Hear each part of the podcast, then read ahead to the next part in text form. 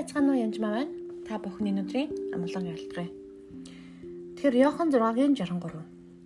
Амин өдгөн сүнс махвал ашиггүй юм. Миний та нарт хэлсэн үгс бол сүнс ба ам билээ гэж хэлсэн байна.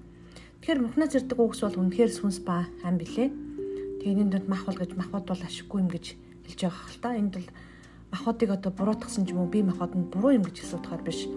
Харин махуудын сүнсэн дээр сүнс махбаттай харьцуулахад гэж хэлж байгаа утгаар ойлгороо.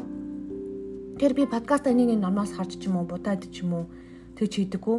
Эснээс ирсэн үгээр шууд дамжуулан түүнээс асууж библийн үгээр хийдэг. Тийм болохоор заримдаа подкастын зарим үгнүүд эдгээх чөлөөлөх хүч түнд байдаг. Тэгэхээр зарим хүмүүс зүрхний идгэрсэн, чөлөөлөгдсөн гэж ярьдаг л да.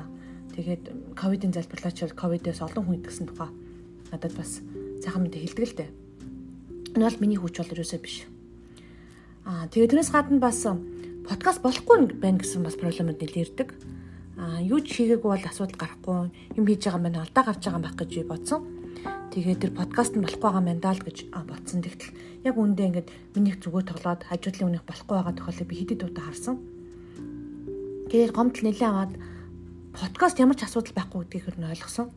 Яагаад вэ гэвэл зарим нь огт сонсогдохгүй байна, тоолохж болохгүй, олон товч дарж байна, хөгжмөн чанга дуунд болохгүй байна ч гэх юм уу. Янз янзын гомдлууд ирж исэн. Тэгээд тэдгээр хүмүүс заримдаа холбогддог байгаа. Тэгэд яг яагаад сонсогдохгүй байгаа юм бол доо гэж би юу н асуусан л та. Тэгээд жишээлхэд одоо тийм миний подкастыг бичдэг ихч маань таны хөгжмөн чанга дуугаад юу ч сонсогдохгүй байна. А эсвэл гэр бүлийн асуудалтай хүмүүс байна. Гэр бүлийн эрүүлтэй холбоотой подкастыг сонсож чадахгүй. Санхүүгийн асуудалтай хүмүүс санхүүгийн асуудалтай холбоотой подкастыг сонсож чадахгүй тэр байтугай сүнсний бэлэг авьяасуудыг сонсч чадахгүй дотор нь зарим бэлэг авьяасаас зөвшөөрдгүү ч юм уу тийм урсгал чиглэлд явдаг хүмүүс а эсвэл бүр зарим бэлэг авьяасыг одоо хүлээмжшүүлдэггүй сүнс дотор нь байсан ч юм уу ийм олон тохиолдод байгаа. Тэгээ тэдгээр хүмүүсийг бас зарим нь чөлөөл залбирсан би. Аа тэгээд тэрнээс хойш гүдүүлэн зүгээр сонсдог болсон. Тэгэхээр бас бүх юм бас нарийн байх нь л дээ. Тэгээ зарим нь бүр нэлээд сүнслэг хүмүүст энэ асуудлууд тохиолдсон байдаг. Аа тэгээд сүнслэг гэдэг нь ер нь библийг сайн уншдаг, пастор ахлагч нар аа Бурхны номлыг сайн сонсдог тийм хүмүүс гэсэн үг шүү. Тэгэхээр хин Бурхны үгийг танд үр нөлөөтэй сонсгоосоо гэж хүсдэггүй ээ. Тэр асуудлыг ингээд нөгөө талаас нь ч юм уу төхөөрөмж болохгүй байх ч гэдэм үү.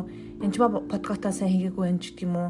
Тэгж хайхаасаа илүү энэ оршууд ямар асуудал байгаа юм бол энэ миний компьютерт ямар асуудал байна эсвэл би надад энэ энэ модор сүнс нь ямар асуудал байна гэж ойлгох харах явдал маш чухал. Механик ганц хоёр гэмтлээс босд бүх тохиолдолд дандаа сүнсний асуудал байгаа. Тэгэхээр эхлээд өөрөөхөөс шалгаад эзээ намайг чөлөөлж өгөөч. Бузар муугаас гэтлгээч гэж залбирах ёстой. Тэгээ энэ зүйлийг сонсохгүй байгаа бузар муу сүнсийг миний төхөөрөмж эсвэл миний чихнээс энэ оршихугаас хөөж гаргаач гэж залбирах хэрэгтэй гэсэн үг. Ер нь хэрэг асуудлаа засъя гэж бодож байвал анхаарлаа асуудал дээр юусоо тавьж болохгүй Тэгээсэ гэж өтгөр хүсдэг бөгөөд жил оюун ухаан чинь ерөөсө тэрлүүд анхаарлаа хандуулчихна. Тэтгэл санаа чинь энэ болохгүй байх, сул ярьж чанга ярьж гэдэг юм. Энэ л одоо надтай хэрэлдээд байна гэдэг юм уу? Энэ л зүйл болохгүй байна гэх мэтлэн ярьж эхэлдэг. Муу сус тэгж дисип буюу тэгж анхаардаг чинь өөр нь хандуулж самруулж идэг. Тэгэхээр энэ энэ бүхнээс гарах ганцхан асуудал байгаа. Эзний амар амгаланд эзний оршууд орох. Тэр амар амгалан танаас урсдаг байх хэрэгтэй байнгын амар амгалан байх ёстой гэсэн үг. Тэгээ танаас амар амгалан урс болтгоо гэж бас өрөөж байна. Тэгээд Исая 26-аас хэлж үгээ. Танд итгэдгийн улмаас санаа батх мөнийг та амрын ямар байлгана гэж.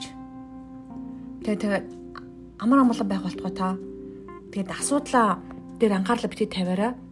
Тэгээд асуудал байх юм бол зөвхөн механик гэж бодохгүй мах бадын ч гэдэг юм уу магадгүй тоног хөрөмжин гэж ботхоос юм лөө бас хүнсний амар асуудал байна гэж анзаараа тэгээд хүннээс асуудал харахаас өмнө эхлээд өөрийгөө бас сайн шалгаараа өөрийнхөө зүрхийг шалгаараа өөрийнхөө оршихуй шалгаараа өөр дотор чинь бас бозор мус сүнс байх уу шалгаараа. Надад бол ер нь маш их муу сүнс байсан хүн. Аа тэгээд л өстой хөрөөл нэг болсон. Тэгээд үе үе бас далд орцсон бас нуугдсан байсан юмуд бас гарч ирдэг байгаа. Аа тэгээд зөвхөн муус усаас гадна сэтгэл санааны хямралууд бас үлдсэн байдаг. Аа хүүхэд байхад бол одоо нөгөө картын барааны үеэр чинь би ойчралдаг байсан үедээ 10 жилийн хүүхэд тэгэл нэлээд талхан малханд явдаг байсан. Тэгээд гэр орноо төжигтэр нэлээд анхаардаг байсан. Тэгээд тийм болохоор тэр мөрний тэр үед чинь нөгөө хамт ажиллаж байсан хүүхдүүд дарагдаал өгч мөхөөл тэрийг хараад тэрэнд одоо сэтгэлийн хямрал энэ төр болцсон байсан. Би жишээлбэл юусоо мдээгүй байж хагаад сүулт мэдсэн байх ч тий. Гин мэтлэн янз янзын хүний амьдралд үлдсэн байж болно. Тэгэхээр ямар ч л байсан гэсэн подкаст сонсож байгаа та бүхэнд үнэхээр их баяртай байна. Тэд үргэлжлүүлэн сонсороо. Тэгээ асуудал дээр анхаарлаа тавихаас өмнө эзний амар хамгаалал руу эхлээд өнгөж ороод орсныхаа дараа залбираад юунес босон байна мэдэрээ гэж чинтгэлээсээ хүсэж जैन. Тэгээд эзний амар хамгаалал та бүхнээс урс болтугай. Тэгээд Яхан 6-ын 63-ыг дахиж уншиж өгье. Ам өдгөн сүнс махвал ашиг юм. Миний танарт хэлсэн үгс бол бол сүнс ба ам блэ гэж Иесус хэлжээ. За танд амжилт хүсье. Баярлалаа.